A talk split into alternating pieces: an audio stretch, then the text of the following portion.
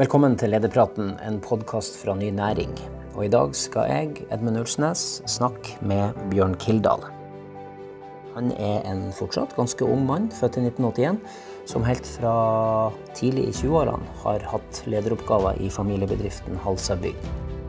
Nå har han i ett år vært toppleder, daglig leder, i en virksomhet som er blant Meløys største private.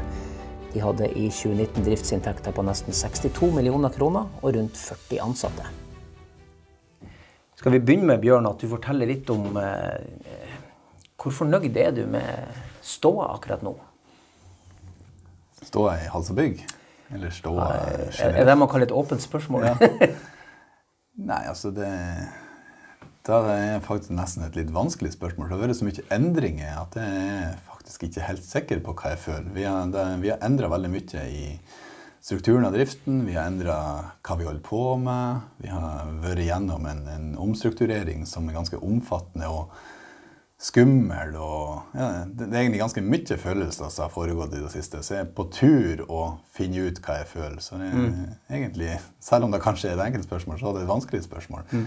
Men eh, hvis du tenker til syvende og sist, vil mange si, så koker det ned til om man har hva man har igjen av penger etter at alle lønningene og alle regningene er betalt. Eh, ikke omsetninga, men driftsoverskuddene. Går butikken bra for tida? Det gjenstår å se. For vi gjorde noe grep i mai eh, i fjor. Så vi er jo på tur inn i første fullførte regnskapsår og, og det. Og indikasjonene er at det, det funka det vi gjorde. Det, ja. du, du, for de som hører på som ikke har historien helt med seg nå, skal vi oppsummere det i en to-tre kjappe setninger, det som skjedde i fjor? Ja, altså vi har drevet et par år med dårlige tall, for å si det sånn. Og hadde flere styremøter der vi har diskutert hva skal vi gjøre for å, å få snudd den negative trenden i Halsa Bygg. Og ha, hadde rådgivere inn på banen, snakka litt med dem og fått litt, litt veiledning og begynte å lete etter det som kalles en strategisk samarbeidspartner, ifølge de her rådgiverne. Få inn noen på eiersida, rett og slett. At Ean Kåre, som har sittet som eier her ganske lenge, følte at bedriften var blitt stor og litt mye ansvar for mange arbeidsplasser, og vi kjørte med dårlige tall. Det, det er en dårlig følelse. Mm. Og etter eh, mange runder så, så havna vi i samtaler med vår største konkurrent, Solhaug entreprenør, Solhaug byggevare. Og egentlig imponerende god kjemi ganske tidlig i prosessen. Vi har med oss rådgivere, både de og oss, og endte opp med å bli enige om at uh, vi inngår et samarbeid der uh, de legger ned entreprenørbiten sin, og vi legger ned byggevarebiten hos oss. Og så inngår vi opsjonsavtaler der vi har uh, rett til å kjøpe oss inn hos hverandre og, og knytta et, eh, et, samarbeid sånn. Og det her ble jo da eh, satt i, i verk i, i, mai i fjor. Mm. Der vi la ned butikken. Og den har da eksistert siden rundt 1980. Har min far eh, drevet med byggevarer, og jeg og broderen overtatt etter hvert. Og selv om du ikke tar så lett til tårene, så kom det kanskje en tåre da? det var veldig rart. Og ja egentlig kanskje mest når at man sitter og prater med pappa. Så, så skjønner man altså, hvor, mange, ja, mm. hvor, mange, år det her har foregått, og, og mm. for ei omstilling det har vært. Så eh, det har vært en litt følelse rundt det, det er ikke det tvil om. Men eh, for min del, altså for en, en, annen effekt i det her er jo at han storebror flytta til Bergen. Og jeg ble li, litt alene på Halsa. Mm. Og, mitt hjertebarn har vært entreprenøren, og han Kåre har drevet butikken over mange år. Og når han flytta til Bergen, så, så ble det rett og slett litt mye. Og skulle ha ansvaret for både butikken og entreprenøren. Og entreprenøren har vekst. Det er jo entreprenøren som har vekst mest hos oss. Ja, for så I en del av prosess, denne prosessen var jo at du i etterkant ble daglig leder for hele geskjeften. Ja. Og det er også det som jeg sier innledningsvis, at du spør om mm. hvordan har du det nå. liksom vi har lagt ned butikken. Jeg har overtatt som daglig leder. Han Kåre flytta til Bergen. Det, ja, det er ganske mye som har skjedd de siste årene. Okay. Hvor lenge er det til at du klarer å svare med det på det spørsmålet, tror du? Hvordan du jeg egentlig syns det går? Jeg føler at jeg er på tur og land. Ja, okay. Jeg føler at det er ikke så alvorlig lenge til man kan svare på det spørsmålet. Mm. Jeg trenger egentlig å få altså, et av kravene jeg stiller for å overta som daglig leder i Halsa bygg, det var at jeg ikke skulle ha så veldig mye med økonomi å gjøre. Jeg er glad i mennesker, og jeg er glad i prosjekter, jeg er glad i tekniske utfordringer. Jeg er glad i sånne ting. Den delen av daglederrollen. Men det her med økonomi og lønninger og skatt og moms og regnskap og det her, det syns ikke jeg er så veldig spennende. Så vi inngikk en deal, jeg og hans storebror, at han tar på seg en rolle som heter økonomisjef, og jeg tar daglig leder. Og det har egentlig funka veldig bra. Du, også sa du Solhaug, nevnte du også. Imponerende god kjemi. For eh, som harde konkurrenter så har vel sikkert ikke kjemien vært så bestandig så god gjennom årene. Men, men i dag så er, vel, er, vi der da at både Solhaug byggevare, som nå konsentrerer seg om butikkdrift, og dere som konsentrerer dere om å sette opp bygg, driver begge bedre nå, da, etter at denne litt beinharde konkurransen er historie? Jo, altså Mitt inntrykk er at begge bedriftene klarte å snu. Det er tilbakemeldinga man får fra både, både Solhaug og fra Kåre hos oss. da. Så eh, det ser ut, sånn på kort sikt i hvert fall, på at, altså, at vi har eh, snudd den negative trenden og er på tur til å drive mer lønnsomt, begge to. For det er jo det som er essensielt for å drive over lang tid. Det er jo at man klarer å drive lønnsomt. Klarer man ikke det, så forsvinner man jo til slutt. Men uh, du har jo mista butikkinntektene, så det skal vel godt gjøres at de her litt imponerende årsomsetningene på 50 og 60 millioner skal godt gjøres at man beholder de, eller hva sier du om det? Det er jo litt prosjektavhengig. altså Når man kjører store, tunge prosjekter med store underentrepriser, så får man jo høye omsetningstall likevel. Men det er jo ikke nødvendig at man klarer å tjene så mye penger på det likevel. Så, så, omsetning er jo ikke det som sier mest. Altså, det er jo egentlig om man klarer å, å, å drive lønnsomt som er nøkkelen. Mm. Men vi er jo, ligger jo og vaker rundt 40 ansatte. Og hvis ikke vi klarer å holde oss godt over en million i omsetning per ansatt, så er det veldig vanskelig å drive lønnsomt. Så hvis vi begynner å komme noe mye lenger ned på omsetningstallene, så eh, sliter vi. Mm. Du, Vi skal snakke en stund, og vi skal snakke mer om, om eh, bedrift og tekniske detaljer som kan høres litt kjedelig ut, men som kanskje er litt spennende òg. Men eh, tilbake til utgangspunktet, egentlig. For det er fryktelig mye som har vært i bevegelse de siste par årene. da. Eh, men så er man jo en man er leder, men man er jo privatperson òg. Og det er jo en balanse man skal finne i, i totalen av ting. Mm. Uh, det høres ut som du uh, jobber mye. uh, og finner du den store balansen, syns du?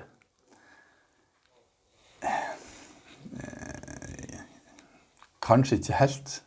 Den òg altså, har vært satt litt på hold. ikke sant? Man har vært i omstilling. Man har fått nye roller. Man er jo ærekjær og ønsker jo at jobben man gjør, skal gjøres så godt som mulig. Og når ikke 37,5 timer strekker til for å gjøre en god nok jobb, så blir det jo fort at det blir mer timer. Og da er vel en kjensgjerning at sitter man for mange timer på jobb, så går det utover et eller annet. Så, så, den store balansen er ikke helt på plass. Men eh, da òg føler jeg at med de grepene vi har gjort, er på tur og blir bedre. Så, eh, Nå er du godt vant med å jobbe mye, og til dels mye mer enn det folk flest har som en vanlig arbeidsuke, vel? Ja da. Det, det var en, en, ansatt for en del år siden som sa det at noen de levde for arbeid, og andre arbeid for å leve. Og han mente at eh, bl.a. jeg levde for å arbeide istedenfor å arbeide for å leve. Mm. Og, og, det er jo en del av oppdragelsen fra en veldig arbeidsom far. Altså, Skulle jeg ha noe kvalitetsstil av pappa når jeg var liten, så var det å være med han på jobb. Mm. For han var på jobb altså, først på dagtid, og så var han hjemme og spiste, og så har han et til skift på kveldstid. Alltid. Og da var jo min store glede i livet da jeg var liten, det var jo å få være med i lastebilen eller på gravemaskin eller ut på et eller annet snekkeroppdrag og, og holde i en hammer eller noe. Ja, skal ikke vi bare gå tilbake til begynnelsen, Bjørn? Eh, for din del, hvordan begynte det her? Eh, altså, Yrkesvalg og sånne ting det starta jo ganske enkelt med at pappa var helten min. Så, eh, og at, som, som jeg nevnte, hvis jeg skulle ha noe kvalitetstid, så var det å være med på jobb. Og fascinasjonen av bygg og anlegg var stor fra jeg gikk i barnehagen. altså Fra jeg konstruerte sandslott til jeg begynte på, på skole. og alltid, Jeg har aldri vært i tvil om hva jeg skulle bli. Jeg skulle bli noe innenfor bygg og anlegg, og eh, jeg skulle jobbe sammen med pappa.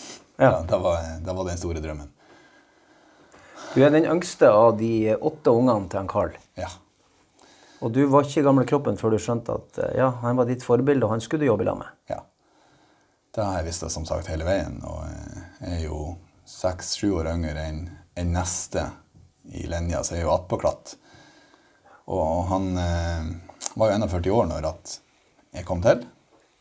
Og, som sagt eh, drev jo som entreprenør, og, jeg var med mye på jobb. Og når jeg var ti år gammel, så måtte han ta videreutdanning for å få lov å drive videre. Han hadde ikke kompetanse nok. Så når han var 51 år, så for han til Mo i Rana og tok teknisk fagskole. Da flytta jeg han til Mo i Rana, jeg og mamma, mens han tok fagskole. Og kanskje pga. det valget, så visste jeg allerede når jeg gikk på ungdomsskolen var til rådgiver på, på Enga skole, at jeg skulle gå teknisk fagskole. Det eh, var ikke ei vanlig utdanning. Eh, Rådgiveren hadde ikke hørt om det, men han gjorde litt research og fant jo fort at eh, nærmeste tekniske fagskole da var i Stjørdal. Og, så da satte jeg meg som mål allerede da at jeg skulle dit. Men kravet for å komme inn der var jo at du har et fagbrev innenfor en eller annen retning. Så jeg tok utdanning innenfor tømring, og dagen etterpå jeg har fått fagbrev i hånda, så flytta jeg til Stjørdal og tok to år på teknisk fagskole. Så jeg var veldig ung i, i klassen i forhold til, til snittalderen på fagskolen der da. Og kom tilbake hit da, i, i 2003. Ja, som, ja, da var du hvor mange år? Da var jeg 22. Ja, og fikk eh, lederoppgaver i familiebedriften med en gang. Ja, jeg fikk eh, på grunn av, altså, Som en gulrot for å ta den utdanninga, så fikk jeg 10 av aksjene i bedriften. Det var min bror og min far enige om, at hvis jeg fullførte den utdanninga For da ble jeg en nøkkelperson allerede som 22-åring med, med den utdanninga i bedriften. Så fikk jeg 10 av aksjene. Og så fikk jeg Jeg jobba noen år som Tom Tømrer etter det her, men jeg ble fort bas og formann, og etter hvert mer og mer kontor. Dessverre. På, altså litt på godt og vondt. Altså jeg syns det er veldig artig å jobbe ute, men eh, det ble, det ble noe kontorist til slutt. Og så har årene gått, og så har jo du og din bror, som du sier, han Kåre, Ja. som er født i 63, ikke sant? Så han er noen år eldre enn deg. 18 år, eller? Dere eh, eier jo i dag 50-50. Ja. Ja. Eh, og du er fortsatt like sikker som du var i barnehagen på at det var det her du skulle gjøre. Ja. Altså, der er dager når man er altså, Av og til blir man jo litt lei. Man har gjort det samme i mange år og drevet med det samme. Så jeg har hatt tanker i helt andre retninger enn bygg og anlegg. Jeg syns jo, som jeg sa innledningsvis, at mennesker er veldig spennende. Så jeg kunne godt ha tenkt meg å jobbe eh, med mennesker på et annet eh, nivå enn innenfor bygg og anlegg. Men eh, Hvor mye annet nivå mener du da? Altså, Tidlig i karrieren i Halsabygg så hadde jeg mye vanskeligstilt ungdom via både barnevernet og Nav inne. Og syntes det var veldig motiverende å arbeide med. Veldig artig. Altså de var inne på sånn praksisdager i bedriften? rett og slett. Ja. Og så ble det litt eh, leksehjelp, og så ble det litt sånn støttekontaktordning via barnevern og sånne ting. Og det syns jeg var et veldig givende ting å holde på med.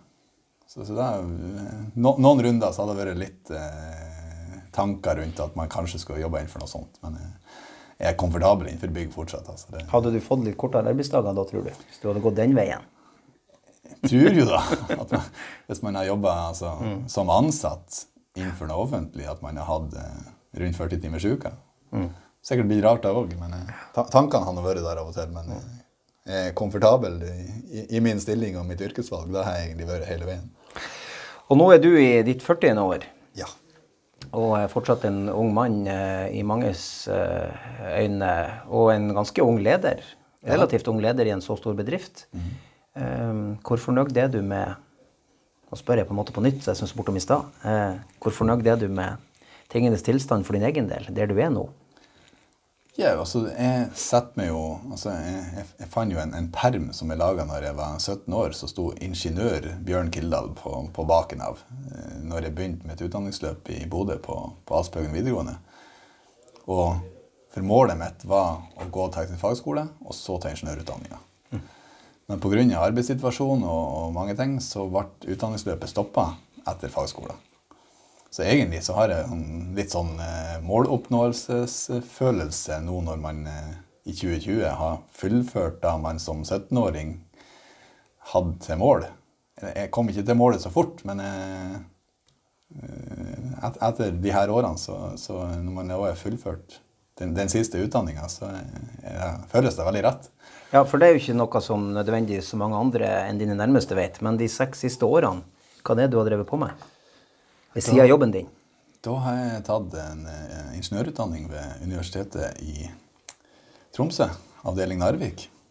Og uh, rett og slett studert veldig mange kvelder og helger mm. for, å, for, å, oppnå det. For de, de, som husker godt tilbake noen år og, og følger litt med, da Meløy ble omstillingskommune i 2012 for alvor, så var en av mange satsinger som ble satt i gang, det var et sånn uh, løp med utdanning. Yrkesveien til ingeniør, var det ikke noe sånt det heter? Ja. Og ei storstilt satsing der veldig mange heiv seg med. Mm. Uh, og hensikten var å øke ingeniørkompetansen i Meløy generelt. Uh, der ble du med, ja. ja. Sammen med en kollega i bedriften Halsabygg. Ja da. Jeg og Mikael Antonsen hos oss møtte opp på et infomøte på Skjalthuset i Glomfjord. Der vi lytta til en, en, en mann fra Narvik som, som var presentert Y-veien-utdanninga. Og vi var heltent når vi for derifra, at det her, det her var spennende. Det her har vi lyst til å være med på. Og meldte oss på. Og Miljø næringsutvikling eh, bidro jo med, med støttekompetanse altså i Glomfjord lokalt med litt eh, leksehjelp noe som var veldig viktig for å komme seg gjennom forkurset, for det var rett og slett beinhardt. Eh, og der har vi hatt eh, litt forskjellige lærere i Glomfjord, og vært på Kulturhuset i Glomfjord og studert hver onsdag i et par år på kveldene. Matematikken var vrien? Ja, har, du sagt, har du sagt til meg? All, all hovedsak matematikken eh, og litt fysikk ja. var, var, tøft. Og, og, bygging av hus og andre bygg, det er mye matematikk og fysikk? Det er det. Skal du dokumentere at ting holder og tåler den snølasta vi har her oppe, og sånne ting, så eh, må du regne litt. Og det er, det er mye matematikk. Du, denne eh, ingeniørutdanninga, man må vel ta den for å skjønne hvor tøft det er ved siden av en allerede krevende jobb. Det, det, som jeg vet, er jo at parallelt med det her, så har jo du og han storebror Kåre eh, stått bak ei rivende utvikling i Halsabygg. Selskapet sin aktivitet og omsetning har jo økt kraftig. Ja da, parallelt med med utdanning og alt. Så, så det har jo vært et, et spennende løp, det òg. Og ikke minst har vi satsa på eh, et søsterselskap til Halsabygg som heter Halsa Boligbygg. Der vi utvikla leiligheter i Meløy kommune. Mm. Og skal vi si det ene prosjektet som gjør at mange skjønner hvor vi er hen da? Vi, du har tegningene på veggen her. Ja da, altså Ørneshaugen-prosjektet, der vi eh, vant en innovativ konkurranse som Meløy kommune la ut, eh, har vært lærerikt og med god margin det største prosjektet noen gang i Halstad Boligbyggs regi. Ja, Hva det ble å koste til slutt? Eh, da må vi over til Kåre, altså, men eh, vi er vel på rundt 40 millioner. Mm. Men nøyaktige tall det han Kåre sa her. Som jeg sa tidligere, det her med økonomi, ja. da, det har vi dytta på Kåre.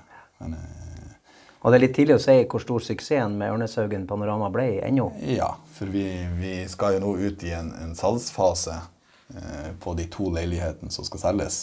Vi har drevet og tisa litt på eget initiativ på Facebook og hatt litt privat visning og sånn, men eh, vi har landa på at vi skal bruke meglere, og vi skal ferdigstille carport, garasjeanlegget, før vi går ut for fullt. Mm. Og da er jeg under oppføring og vil bli ferdig i løpet av noen få uker nå. Og da vil vi vises mer i, i, i Meløy på markedsføring av de leilighetene som skal selges. Men i hvert fall det du var inne på, det at i tillegg til at Halsa bygg er blitt det det er blitt eh, i løpet av de siste årene, så er altså Halsa boligbygg eh, blitt et nokså muskuløst eiendomsselskap på sida av det her. Ja. Mm. Det, det, har vokst jevnt og trutt, og vi har vært flinke og, og bygd bygg som er attraktive. Vi har veldig sjelden noen leiligheter stående tom, og har venteliste på flere av byggene våre. Så har i dag så har vi eiendommer og bygningsmasse i i hvert fall i fire av bygdene i Meløy. Så vi har på Engavågen og på Halsa og i Glomfjord og på Ørnes. Glomfjord er da foreløpig bare tomt, men eh, den, den, ligger nå der og ligger nå som et potensial. Mm. Men vi har leiligheter på Engavågen, Halsa og Ørnes som vi leier ut.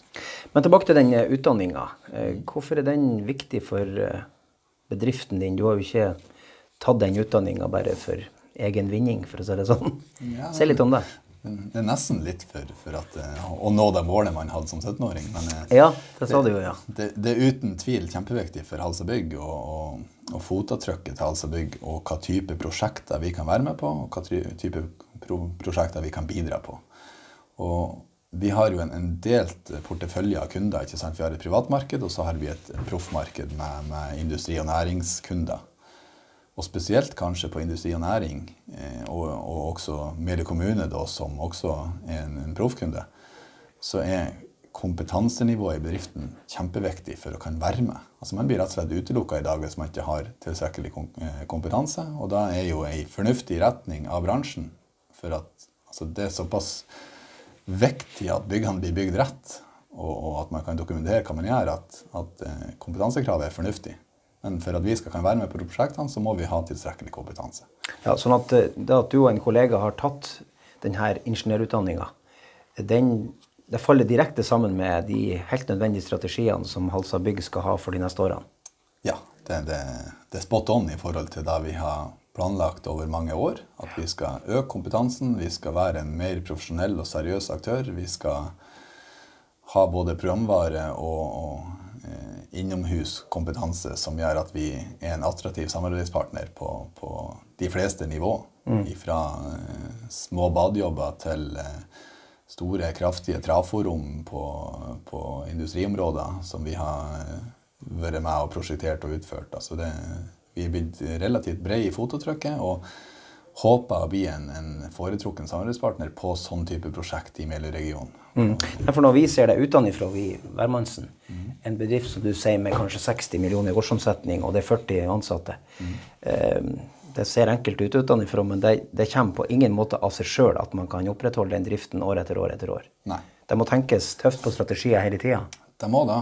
Og, eh, og sant, spesielt når man hopper på store, tunge prosjekter. Så, og da samtidig skal klare å serve resten av eh, kundegrunnlaget sitt og ikke bli helt borte, eh, er utfordrende. Og det, det er livsfarlig å bli for oppslukt i det man holder på med i dag, for man skal jo ha noe å gjøre i morgen òg.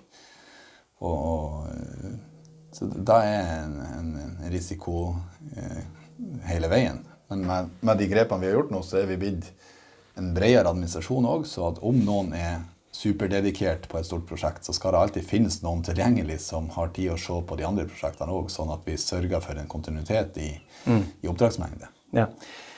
Og sjøl om det høres ut som vi har god tid i denne samtalen, så må jeg bare få si i parentes at nå ringer telefonen din hele tida. Ja. Så den tra travelheten tar ikke pause, sjøl om vi skal ha en liten sånn podkastprat.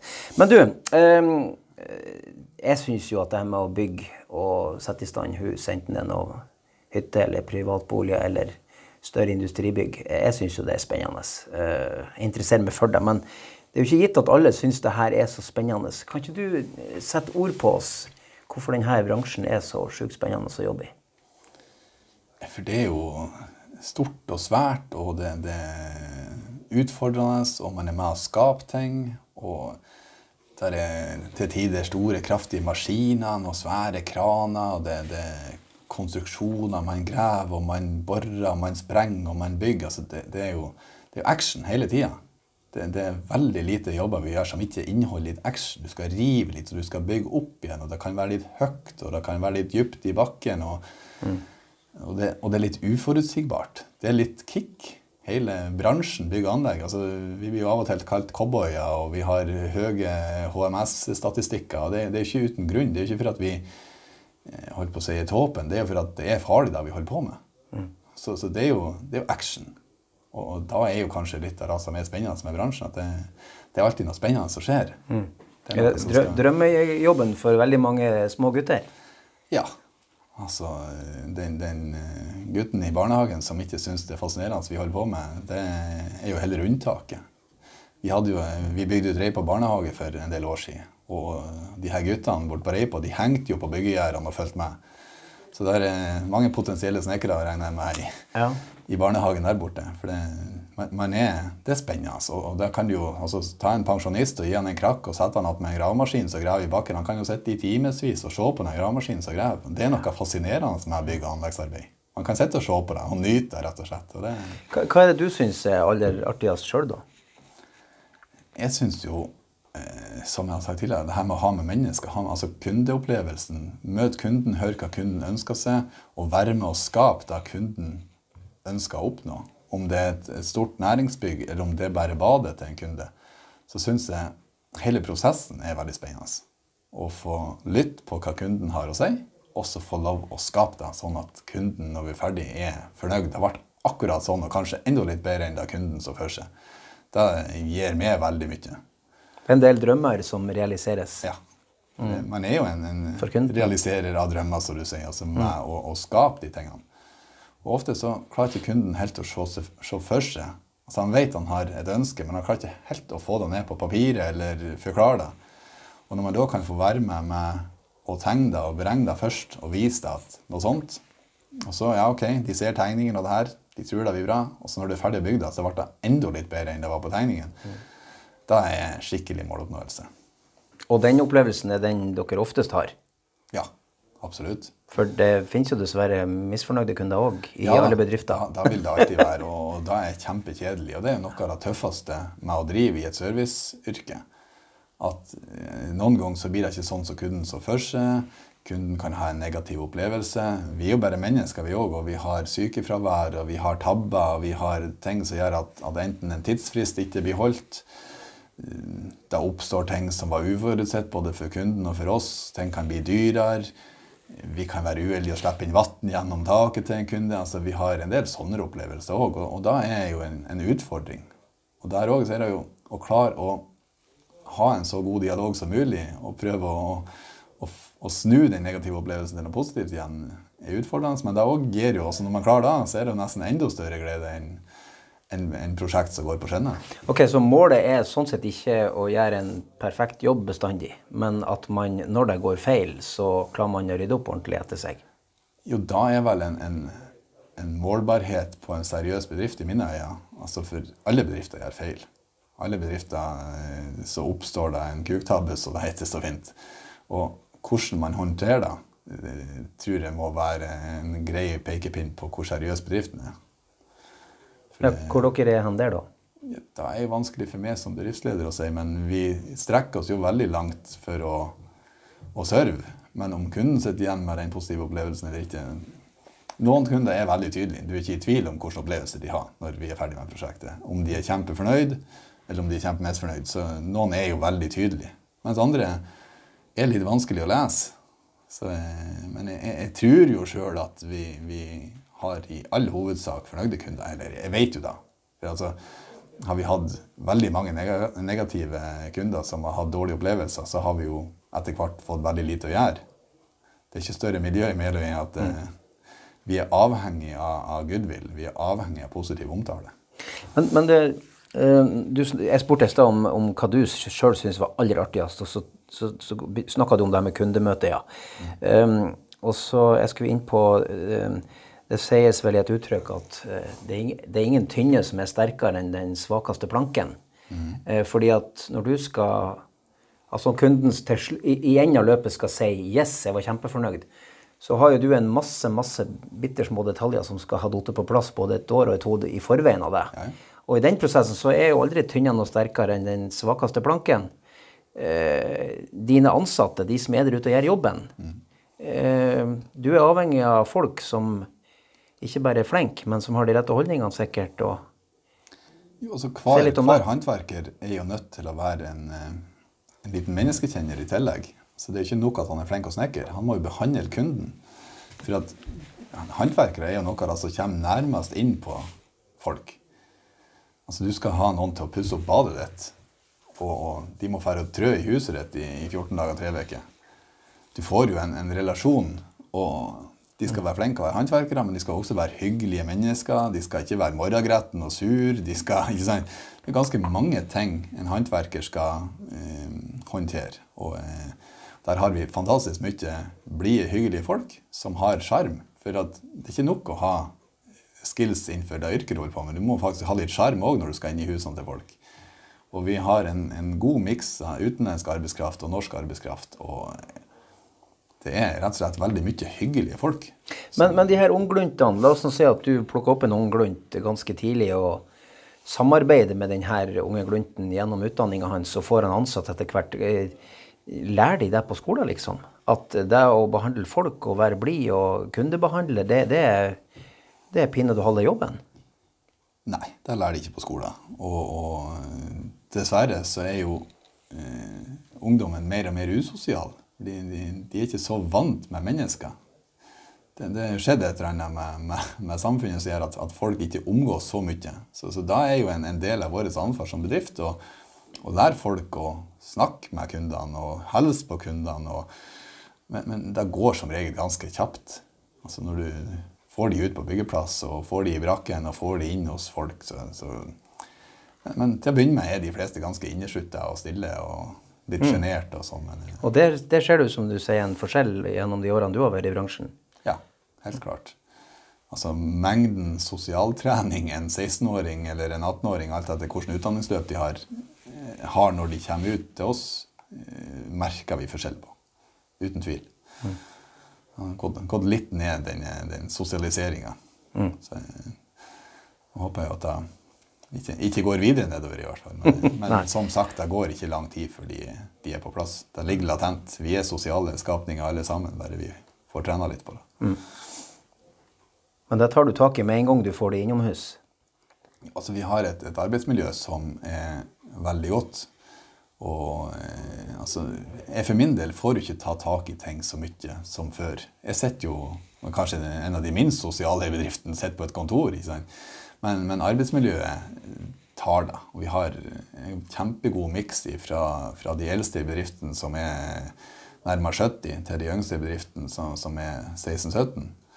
Så, så, den miksen er kjempeflott. Mm. Og også den miksen med, med, Vi har estlendere, polakker, vi har tyskere, svensker og norsker i bedriften. Og det funker kjempebra. Men du, jeg kan jo komme på en, eh, flere utfordringer med å ha utenlandsk arbeidskraft. Og det går ikke på dyktigheten deres, men noe så enkelt som språk, f.eks. Både internt og for kundene. Hvordan, eh, Du sa det går veldig bra, men det kan jo ikke komme av seg sjøl, det heller?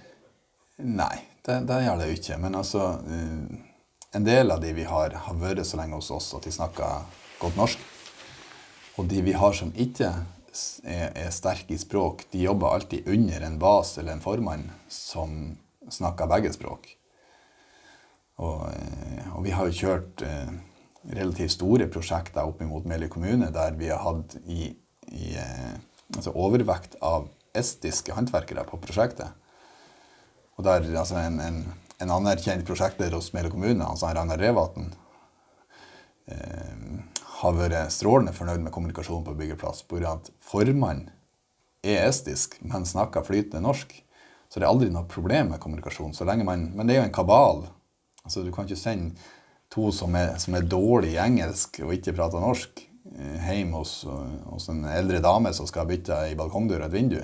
For da, da sliter vi litt med mm. Så, så, vi har hatt noen opplevelser på, på dårlig kommunikasjon likeens som man, man, hører om. Men det skal ikke så mye til før noe blir veldig veldig feil neida, neida. i store prosjekter. Nei. og eh, Jeg må nesten fortelle en, en, kort, liten historie om en, en, en, pensjonist, en eldre mann som skulle bytte et par vinduer og litt bordkledning. Så sender vi to estlendere hjem til han. Flytende engelsk. Skikkelig god i engelsk. Den ene har jobba i London i ti år, så han prater jo bedre engelsk enn noen i bedriften. Mm. Og har er så vidt begynt med jobben, så ringer han kunden at jeg måtte altså innfinne meg på byggeplass. Og han var nesten sint. Så jeg tenkte hva, hva, hva er det nå? Så jeg hiver meg i bilen og, og kjørte hjem til denne kunden.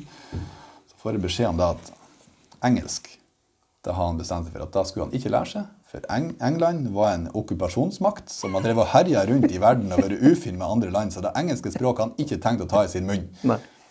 Så han ville bytta den der bordkledninga også. Ja. Så det var en liten tilleggsjobb hos den eldre mannen. Han var så streng og så myndig rundt det engelske språk at det var helt uinteressant for han hvor god de var i engelsk. Av at England har drevet på som de har gjort Ja. tilbake historisk, så har han bestemt seg for at engelsk prater han rett og slett ikke. Så det var ikke så ille som det hørtes ut som. Han skulle bare ha litt ekstra bordkledning i bytte. Og ingen kunder er lik. Nei da. Og, og det er jo da som, som tilbake til det her med, med mennesker. Altså, Det er så artig med at folk er så forskjellige og har så, så forskjellige personligheter og så forskjellige oppfatninger av ting. At det, det blir aldri kjedelig. Men det med språkopplæring, driver dere med det, da? Nei, ikke annet enn at vi, vi prater mest mulig norsk til dem, ikke sant? Og, og sånn. Så vi har egentlig ikke kjørt noen verken på kurs eller hatt noe systematisk opplæring. Men eh, som sagt, flere av guttene snakka jo bortimot norsk. Altså, og og to, av, to av de estiske karene våre snakka norsk. Og de igjen hjelper jo veldig mye til sånn at de som ikke har vært riktig så lenge, lærer seg litt norsk. Men vi har aldri hatt noe systematisk opplegg på det. Du, det her med, med å bygge hus og eh, de, de, de fleste av dine folk, det er jo Flertallet er jo tømrere. Ja. Eh, Jeg har jo eh, snekra såpass mye på fritida mi sjøl at jeg vet om alt jeg sjøl mangler for å bli en god snekker. Eh, Kan ikke du si litt om hva, hva slags egenskaper, kunnskaper, må en tømrer ha? For det sikkert ikke alle som tenker over det. Ja, altså det første man må ha, er da som man kaller litt teknisk innsikt. At man ikke har noe ti tommeltotter og ikke klarer å visualisere ting. For da, da er litt sånn grunnleggende forskjeller hos folk.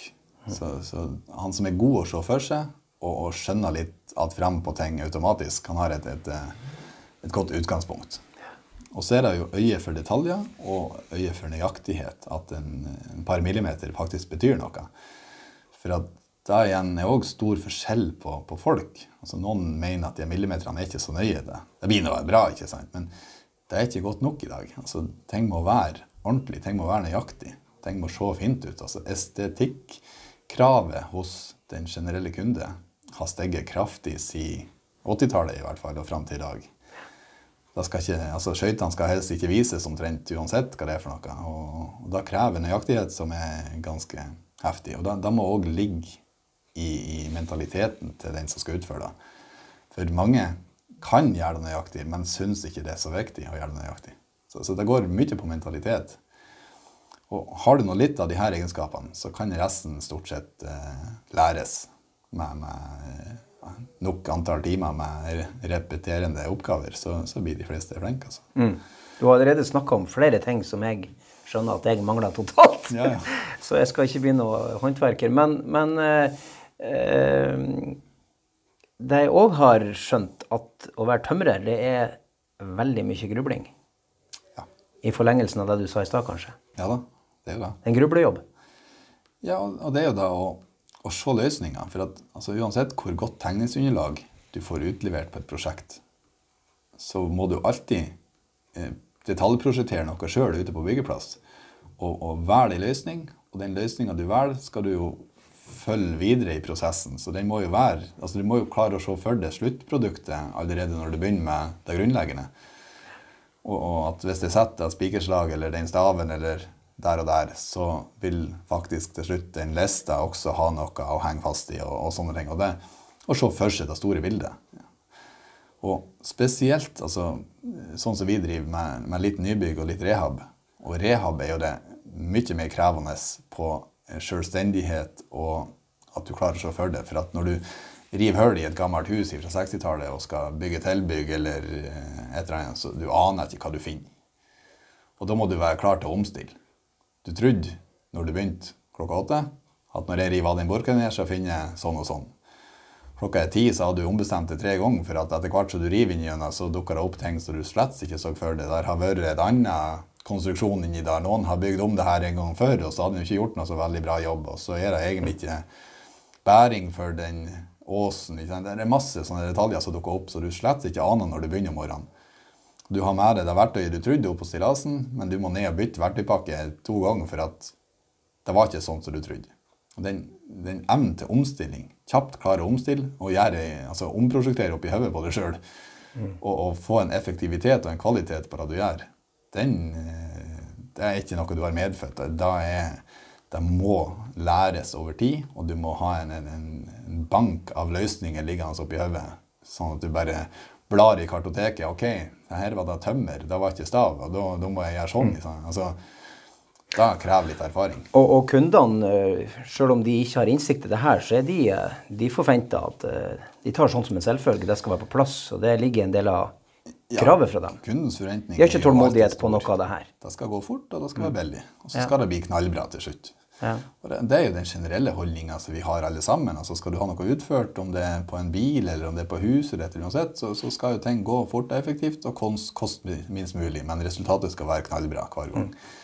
Og det er jo da man har å leve etter. Så, så det er jo av og til litt utfordrende. Men det, det går nå stort sett bra. Men ut fra det du sier, så, så tenker jeg at det er ikke hvem som helst som skal bli tømrer, da. Og jeg er en av dem. Men, men eh, har du fått gjennom årene mye folk inn som etter en stund så innser kanskje både du og vedkommende at det her ble ikke, det ble ikke rett Ja arbeidsplass for meg, eller han. Det har vi hatt flere ganger. Ja. Vi har hatt folk som, som i utgangspunktet var utdanna til andre ting, og visste at de var bare innom her på et vikariat eller en sommerjobb, og viste at de var jo fantastisk godt egna, og droppa den utdanningsløpet de har, og snudde om til tømrer. Og vi har hatt folk som innbilte seg at de skulle bli tømrere, men etter ei læretid eller etter noen år innser at det, er ikke, det her ligger ikke for meg. Jeg kommer aldri til å bli kjempeflink. Jeg kommer aldri til å bli effektiv i det her. Jeg må finne meg noe annet å gjøre. Og det er jo en ærlig sak. altså det er ikke så greit å vite som 16-17-åring hva man skal bli. Og noen ganger så, eh, så bommer man. Og da er det nå bare å brette opp armene og, og, og ta i litt annen retning. Tida på en byggeplass i et sånt miljø er aldri bortkastet uansett. Og om du ikke var egnet til å bli eh, altså heltidstømrer, så har du jo med deg den kompetansen allikevel og er i stand til å, å gjøre egenregiprosjekter og kanskje hjelpe tante med å bygge garasjen, selv om du kanskje aldri blir så god at du egner deg til å, å selges ut på timer som en tømrer. Så ja, vi har hatt begge veiene, egentlig. Folk som ikke trodde de var egnet som tømrer, og ikke trodde de skulle bli tømrer, som er blitt tømrer, og motsatt. Du, Nå har du sagt eh, en del om hva som kreves for en god tømrer, og så har du sagt litt om denne bransjen som går på det uforutsigbare, det er action, ting endrer seg hele tida. Det er store maskiner, det er store prosjekter, det er store verdier som står på spill. Uh, oppi det her, også er det kanskje en del tøffe gutter oppi det her, ja, som jobber i bransjen. Hvordan, hvordan er man leder oppi det her? En leder som jo har mange andre hensyn å ta også, f.eks. hensynet til at prosjektene skal være lønnsomme. eh, Både for bedriften, og de skal være lønnsomme for kunden, eller de skal komme i havn økonomisk for kunden. Hvordan er man leder oppi det her, da? Det blir egentlig litt sånn som jeg omtalte et, et rehab-prosjekt. Altså, du vet ikke helt hva du får. Og vi er rundt 40 ansatte, og vi er rundt 40 forskjellige personligheter. Og, og som leder så prøver man så langt som overhodet mulig å tilpasse til den enkelte. For at du kan ikke verken behandle folk helt likens, prate til de likens og opptre likens. For du må tilpasse deg deres personlighet, og så må du altså den informasjonsflyten For det er jo veldig mye informasjonsutveksling. Altså fra du er på en befaring til et prosjekt du kalkulerer det, og noen skal utføre det. Så er det jo nødt til å være en, en utveksling av, av informasjon. Og hvordan han Per og han Pål mottar informasjon, hva de syns er en grei måte å få, få tilført informasjon, det varierer veldig. Og Samme går jo på tilbakemeldinger, altså om det er kritikk eller ros. Så folk er så forskjellige at man må prøve å være litt analyserende og litt menneskekjenner. For du kan ikke bare buse på med, med din måte alltid. Du må tilpasse litt. Og det, det syns jeg òg er spennende. Og det er ikke alltid man treffer. Og hvis man blir stressa og kanskje frustrert, ting ikke går helt etter planen, så blir man jo mer stressa og, og frustrert man blir, jo dårligere er man som menneskekjenner. Og da oppstår det litt, eh, av og til litt konflikter, litt bom. At man blir Man ser ikke personen som man står og prater med. Man har et budskap man ønsker å formidle, og så er man kanskje litt eh, het i, i toppen. Og da, da går man av og til på en smell. Men, men en del av det å være leder for mange, mange bygg- og anleggskarer, i hvert fall, er at, man må prøve å se personene for det de er, og så, og så tilpasse eh, ting rundt dem, sånn at man får de til å yte eh, best mulig. Nå har du, du hatt lederoppgaver i bedriften. Det begynner å nærme seg 20 år. Eh, Er du fornøyd med dit du eh, så langt er kommet da, som leder? Ikke helt. Altså, jeg er ferdig med et utdanningsløp nå for, for ingeniør. Og det jeg har lyst å videreutvikle hos meg sjøl, er å ta mer utdanning innenfor ledelse. For det er et veldig spennende fag. Og jeg føler ikke at jeg har nok kompetanse på det. Så jeg har lyst å utvikle meg sjøl innenfor eh, ja, rett og slett eh, organisasjon og ledelse. Ta, ta noe vekttaling for det og, og, gå videre på det. For jeg syns det er kjempespennende. Så jeg føler på ingen måte at jeg har tilstrekkelig med kompetanse. Ja, hva er det du kjenner at du kommer på, til kort på, da? det er nå vel egentlig altså, behandling av folk. Altså å få folk til å, å, føle seg mest mulig vel i sin jobb. At de føler at de er verdsatt og sett, og at man, man, får fram det beste i hver person. Og at man klarer å se alle. For det, i en stressa hverdag så er det fort at noen blir oversett, og man ikke ser signalene. Og jeg tror da er kjempeviktig som leder å, å se folket man har rundt seg. For da de er, og de behovene de har. At man ikke ser bare bedriftens behov og sine egne behov. For jeg tror Klarer du å se de ansatte sine behov, så får du fram en, en, en, bedre ansatt. Ja, for det er jo dessverre ikke så enkelt som at du kan gi en person sånn og sånn årslønn, og vi er enige om at det er bra årslønn, og så kan du forvente at ja, men så leverer de top notch. Så enkelt er det dessverre ikke, vel? Det er Mange flere faktorer enn lønn inne i bildet. Og, og trivsel er jo altså, uten tvil en av de, de største faktorene. Selvfølgelig noen, så, altså Lønn og trivsel går nesten hånd i hånd hos noen. Men, men utfordring i hverdagen, at de blir sett, at de blir hørt, og at de får jobbe med ting som blir rett for de. Og, sant, vi har veldig bredt spekter av oppgaver. Og, og og legge den kabalen, både hvem man setter i lag, hvem parer man opp på jobber. At man vurderer litt kjemier der. Og hvem trives med denne typen jobb.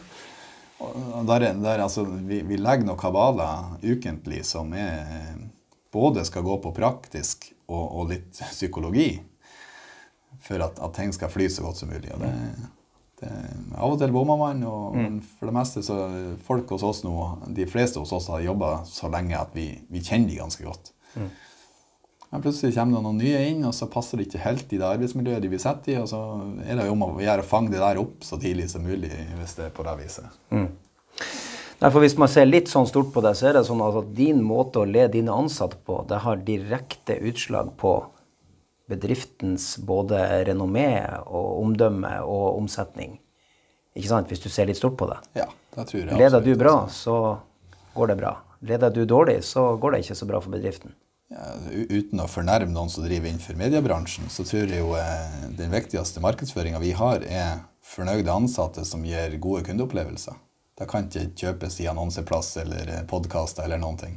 Mm. Så, så, da er vel helt korrekt det du sier. at det, det, måten vi klarer å få de ansatte til å trives i bedriften, påvirker absolutt alt i bedriften. Så mm. de er viktige. Og at de smiler til kundene, er kjempeviktig. Mm. Du, jeg, jeg, tenkte vi måtte snakke litt om det her med marked. Det høres jo litt sånn uh, ullent ut, det, da. Men uh, hvis vi skal snakke om uh, ut fra det dere har prestert av vekst og utvikling de siste årene, altså Halsa bygg, og du begynte jo praten vår i dag med de store endringene de siste årene der. Tidligere tøffe konkurrenten, og, og dere setter dere til forhandlingsbordet i lag. Og de store endringene som da er blitt. Dere konsentrerer dere om å bygge bygg.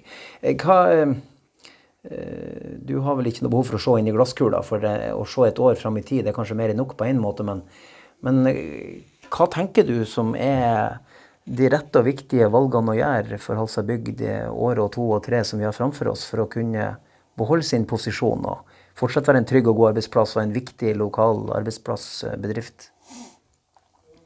Nei, altså, vi har jo starta en, en satsing på kompetanseheving på, på kontorsida hos oss.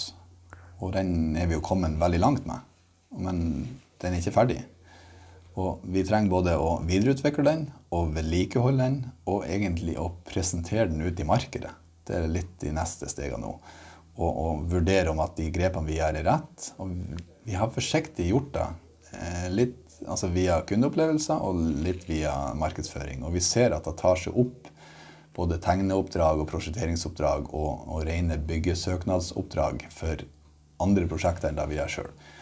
Da er jo en del av strategien på, på kontorsida.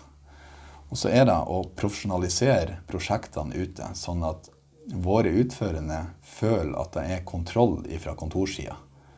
At de er komfortable med jobbene de skal gjøre, at det er gode underlag. Kunden vet hva de, skal, hva de har kjøpt og betalt, og at, at vi klarer å levere da kunden har kjøpt og betalt.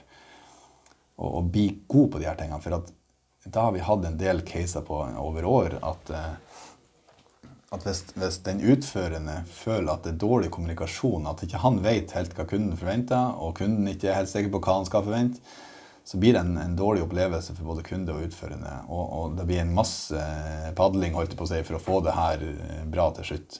Jo, jo bedre vi klarer å ha den opplevelsen fra en befaring, fra en kontakt fra kunden til man er ferdig med prosjektet, og, og, og tune den der opplevelsen så tøyt og fin som mulig for både, både utførende og kunde, jo, jo bedre trives folk. Mm. Så, så da er en del av satsinga. Og da vi har innsett at vi må ha gode kontorfolk for å skape en god utførende opplevelse ute på byggeplass. Mm. Du, du, sier at det blir en del padling, ja. Mm. eh, og det vil jeg gjerne snakke litt mer om. Det, det her med konkurranse, sant? Nå sitter vi på Halsa i Meløy kommune, i hovedbasen deres. Mm. Eh, og dere jobber sånn sett hovedsakelig i Meløy, ikke sant? men også delvis i, i Rødøy og, og, kanskje Gildeskål. Mm. Men du som har bransjekunnskapen, kan, kan, ikke du beskrive litt for oss hva er konkurransesituasjonen innenfor eh, entreprenørmarkedet i, i denne regionen vi kjenner best, altså Meløy, Gildeskål, Rødøy. Hva er konkurransesituasjonen per i dag? Altså på, det varierer på type oppdrag. Altså vi, vi, vi, jobber jo eh, som jeg har sagt flere ganger, ganske bredt fra små rehab-prosjekter, eh, litt vindusbytte, pusse opp et bad, bytte tak. Og Der er det jo poppa opp de siste årene ganske mange frilans og, og, mindre. Altså enkeltmannsforetak og tomannsfirmaer og sånne ting. Så der er det en ganske sunn konkurranse for, for privatmarkedet i Meløy så, så, er det veldig mange å velge i i perioden. Eh, men de fleste er små. Vi er jo store i den sammenheng. Og, og beveger du det opp på, på industri, næring og, og, litt større jobber, så, så, er vi jo etter hvert altså eh, Så er det vel bare et par, eh, tre, tre Meløy-bedrifter som, som, konkurrerer på de. Og så er det jo en, en sånn kvasi vet ikke om de har eh, altså De har en avdeling i Meløy i hvert fall. altså hvis vi ser Moldjord. De er jo en, en stor aktør. Ja, de jobber en god del i Meløy. Ja. ja. Og så har du jo Reipa med, med Leif Rune og Sønner. Og så har du Bilfinger i Glomfjord. Og så har du Halsa Bygg. Det er jo de, de, fire som på mellomstore prosjekter konkurrerer i, i Meløy. Mm. Som jeg kommer på. Det kan hende jeg glemmer noen, men og hvis vi beveger oss opp enda et hakk, men da er vi jo egentlig utafor vår komfortsone på, på jobber. Da har vi jo hatt eh, Bolt inne og tatt spillere skole, et, eh, et Mo-basert firma. Så vi hadde Hent inne og tatt noen omsorgsboliger på Ørnes, og nå sykehjemmet på Ørnes. De store, stygge ulvene som kommer utenfra?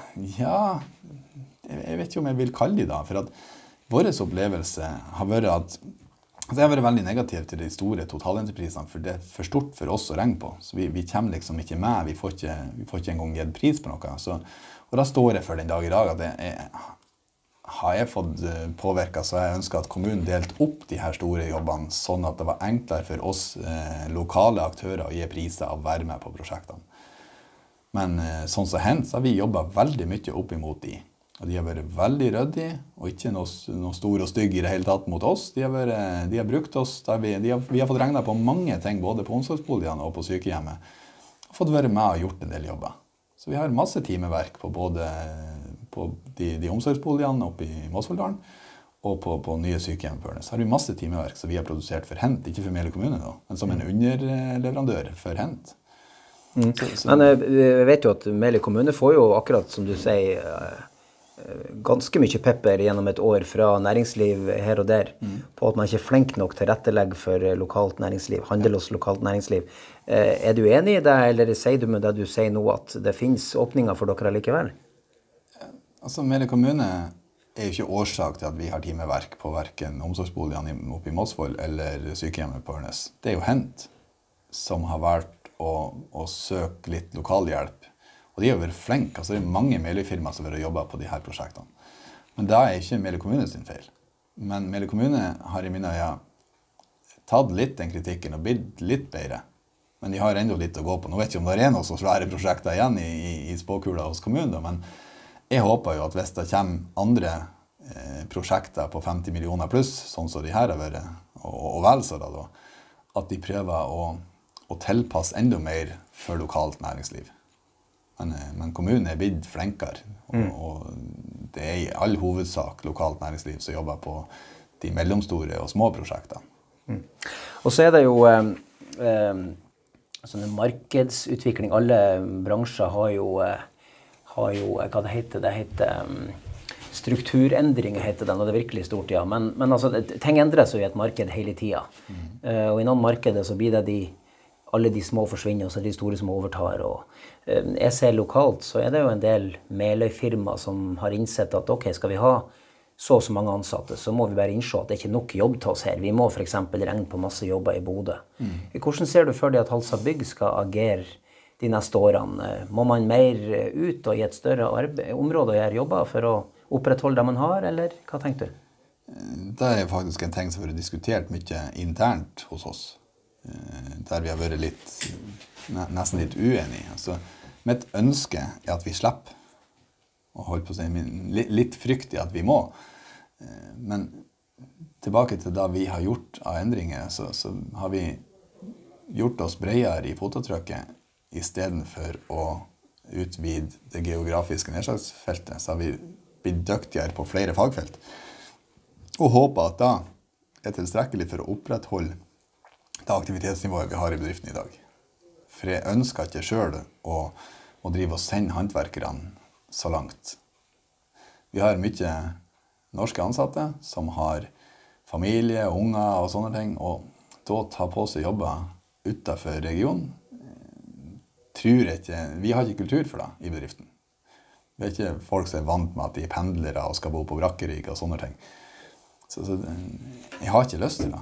Men, men på en annen side så har vi en stab på 10-12 estlendere som uansett hvor de bor hen her i Norge, er pendlere. Så fordi om de har bodd i, i leilighet eller brakkerigg i Bodø eller i Meløy, betyr ikke så mye. Men de må følges opp, og de må ha prosjektledere og sånne ting.